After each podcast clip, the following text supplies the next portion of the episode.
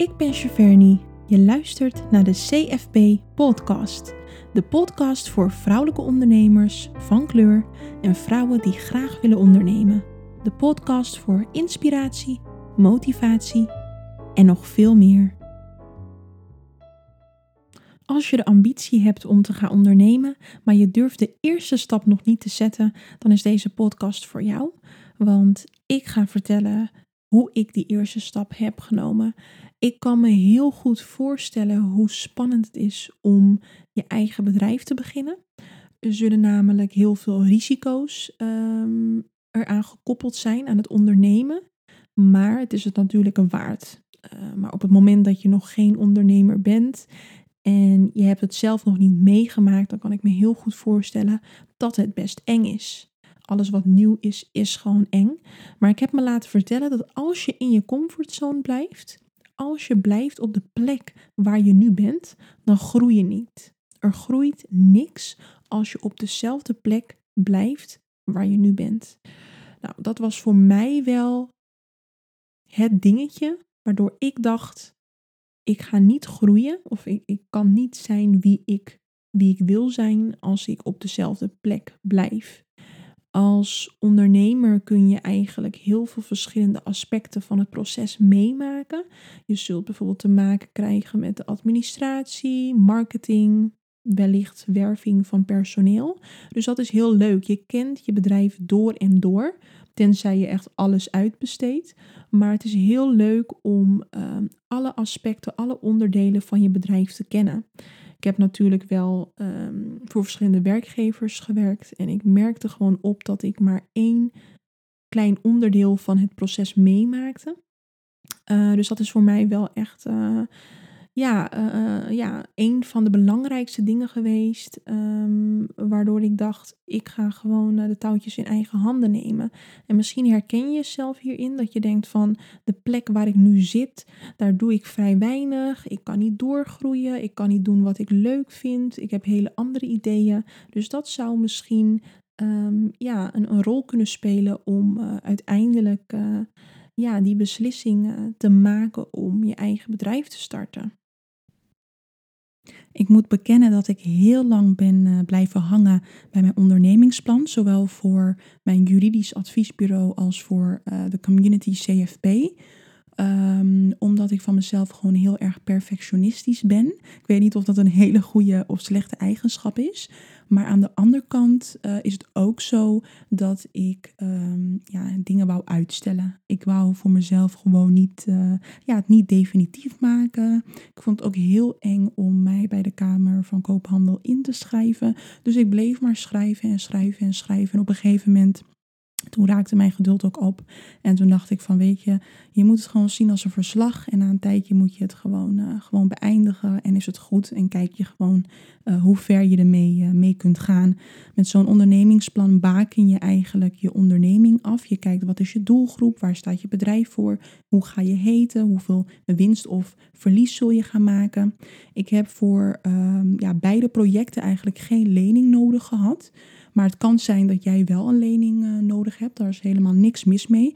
Het is dan wel zo dat het verplicht is om een ondernemingsplan uh, te schrijven omdat de bank natuurlijk he, geen lening uh, zal verstrekken op het moment dat jij niet kan aantonen dat je winst zult gaan maken en daarmee um, ja, die lening uh, kan gaan af, uh, afbetalen. Als ik naar mijn ondernemingsplan kijk, dan moet ik soms wel heel hard lachen. En dan denk ik, nou, ik ben blij dat ik dit zo niet heb aangepakt. Of dat ik het juist wel op die manier heb aangepakt. Of ik ben blij dat ik dit. Um, misschien niet over het hoofd heb gezien. Dus het is, het is, een, heel, het is een hele handige middel om uh, voordat, je gaat, uh, voordat je gaat beginnen, of je nou wel een lening hebt of niet. Um, ik zou het zeker aanraden om een ondernemingsplan uh, te schrijven. nou heb ik een juridische achtergrond. Um, ik heb namelijk rechten gestudeerd. Dus daar is de Nederlandse taal, ja, dat staat eigenlijk gewoon voorop uh, bij een juridische opleiding. Maar ik kan me voorstellen dat als je uh, misschien ja, die vaardigheden niet hebt, dat je denkt: oké, een ondernemingsplan, dat, dat, dat klinkt ingewikkeld. Hoe moet ik dat gaan doen? Probeer altijd mensen erbij te betrekken op het moment dat je zelf de kennis niet hebt. Uh, besteed het uit, uh, maar kijk ook mee om, uh, om er in het vervolg van te leren. Dus op het moment dat jij geen ondernemingsplan weet te schrijven, kun je dat ook laten schrijven door iemand. Of je kan het door een persoon of een bedrijf laten controleren. het financiële aspect, daar heb ik me ook ja, laten, laten adviseren door iemand die echt ja, op de hoogte is van, het, van al het financiële gebeuren. Uh, omdat ik gewoon uh, eerlijk naar mezelf kijk en weet van waar ben ik goed in en waar ben ik niet goed in.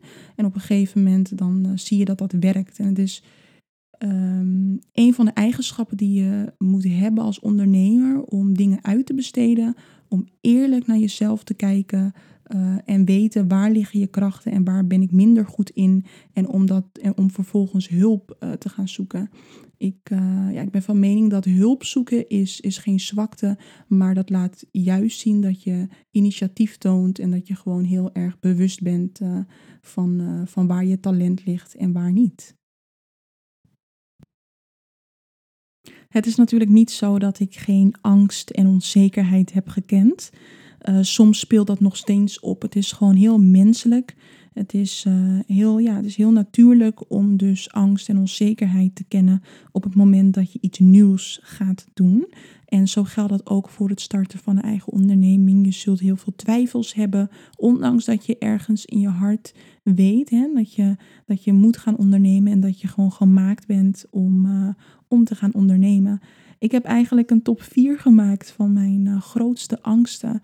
Uh, misschien herken je jezelf daarin en misschien helpt het je ook erbij om te weten dat ik ook uh, angst en onzekerheid heb gekend. De grootste angst was, zal ik wel klanten gaan krijgen? Dat is echt een van de grootste ja, uh, ja, ja, twijfels of vragen waarmee ik heb, de vraag waarmee ik heb gezeten. Um, want er zijn al zoveel juridische bedrijven en er zijn al uh, meerdere communities um, uh, in Nederland. Dus um, ondanks dat je dan een ondernemingsplan hebt gemaakt, je hebt alles afgebakend, zijn dat bepaalde twijfels. En je moet gewoon heel goed bij jezelf nagaan waar komt die onzekerheid vandaan. En uh, voor iedereen is dat weer anders hoe je die onzekerheid weg gaat werken. Um, dus dat, dat is voor iedereen gewoon heel erg verschillend. Um, ik heb ook heel lang getwijfeld over mijn prijzen, voornamelijk bij het adviesbureau.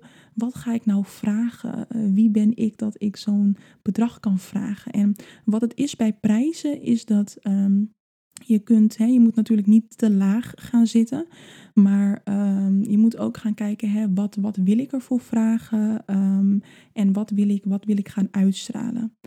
Um, het betekent niet uh, simpelweg dat als jij uh, ja, goedkope prijzen hanteert, dat je geen kwaliteit garandeert.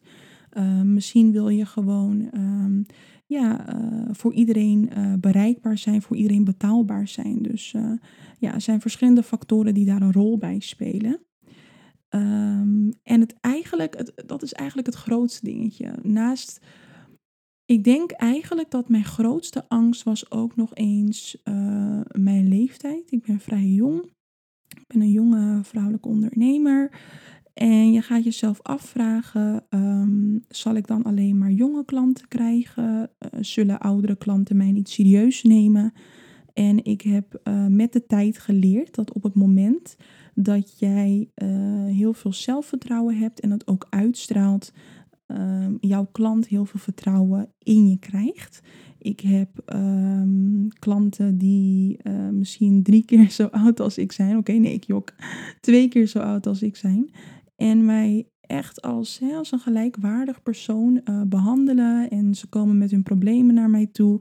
En dat vind ik gewoon heel, heel fijn om te zien dat ze mij serieus nemen, dat ze mij vertrouwen en dat ze niet alleen kijken naar mijn leeftijd, maar dat ze gewoon kijken naar welke kwaliteit uh, bezit Cheverny en waar is ze goed in en kan ze mij helpen. Een klant zal vooral denken van, hè, al ben je 15 jaar, als je mij kan helpen, dan betaal ik je ervoor en dan gaan we gewoon, uh, dan gaan we dit gewoon doen. Um, daarnaast heeft mijn achtergrond ook echt een grote rol gespeeld. Um, hè, je, bent, je bent vrouw, dat ten eerste. Uh, nou, ik ben van Surinaamse kom af. Ehm, dus je denkt van, ik ben een gekleurde vrouw, uh, zal dat ook invloed gaan hebben op mijn klanten? En daar had ik laatst ook een, uh, een post, ja, een post had ik, had ik geüpload op onze Instagram pagina. Um, en daar heb ik toen aangegeven van, dat speelt helemaal geen rol, of tenminste voor mij. ja, je ervaring kan natuurlijk anders zijn. Iedereen's ervaring is natuurlijk uniek. Maar ik heb, dat, ik heb het gelukkig niet. Ik heb, uh, mijn klantenkring is gewoon heel divers. Verschillende culturele achtergronden, religies, noem het maar op. Um, maar ik kan, ik kan me voorstellen dat je als gekleurde vrouw die wil gaan ondernemen, zoiets hebt van. Um, zal ik, zal ik beperkt worden in hetgeen wat ik, wat ik wil gaan doen? Krijg ik eerlijke kansen? Uh, iedereen heeft uh, verschillende ervaringen, dus daar kan ik niet te veel over zeggen. Maar wat ik wel kan zeggen is, als een klant niet met jou wil samenwerken of niet uh, hè, diensten of producten bij je wilt afnemen vanwege je kleur, vanwege je achtergrond, religie, cultuur, noem het maar op, dan zou je die klant eigenlijk ook niet als klant willen hebben. Dus onthoud dat heel goed. pas je voor niemand aan. Uh, je kunt je aanpassen in bepaalde mate, maar je moet wel uh, altijd jezelf blijven. Dat is heel, heel, heel erg belangrijk. Dus eigenlijk zijn er vijf stappen um, die je moet nalopen, zodat je kan uh, beginnen met je eigen bedrijf, zodat je je passie kunt gaan omzetten in je eigen onderneming. Nou, de eerste stap is dat je gaat kijken wat is mijn motivatie? Ga geen bedrijf starten omdat je gewoon een goede dag hebt. Dat is nooit goed. Dat hou je ook niet lang vol. Vergelijk het met de sportschool. Hè. We zijn bijna in januari. Misschien denk je deze maand in december van hey, ik ga gezond leven. Uh, het is bijna 1 januari. Ik zie op Instagram allemaal uh, fitnessposts en ik ga dit gewoon doen dat is natuurlijk niet uh, ja, goede motivatie, goede drijfveer. Dus ga gewoon voor jezelf na, wat is op de lange termijn mijn motivatie, zodat ik het ook kan volhouden. Stap 2 is ga een ondernemingsplan schrijven. Wees eerlijk naar jezelf toe. Kijk wat je kunt uitbesteden. Als je zelf geen ervaring hebt met een ondernemingsplan, besteed het uit. Vraag hulp. Hulp vragen is gewoon kracht. Weten dat je iets niet kunt en hulp vragen omdat je bewust bent van waar je krachten liggen en waar je minder um, goed in bent.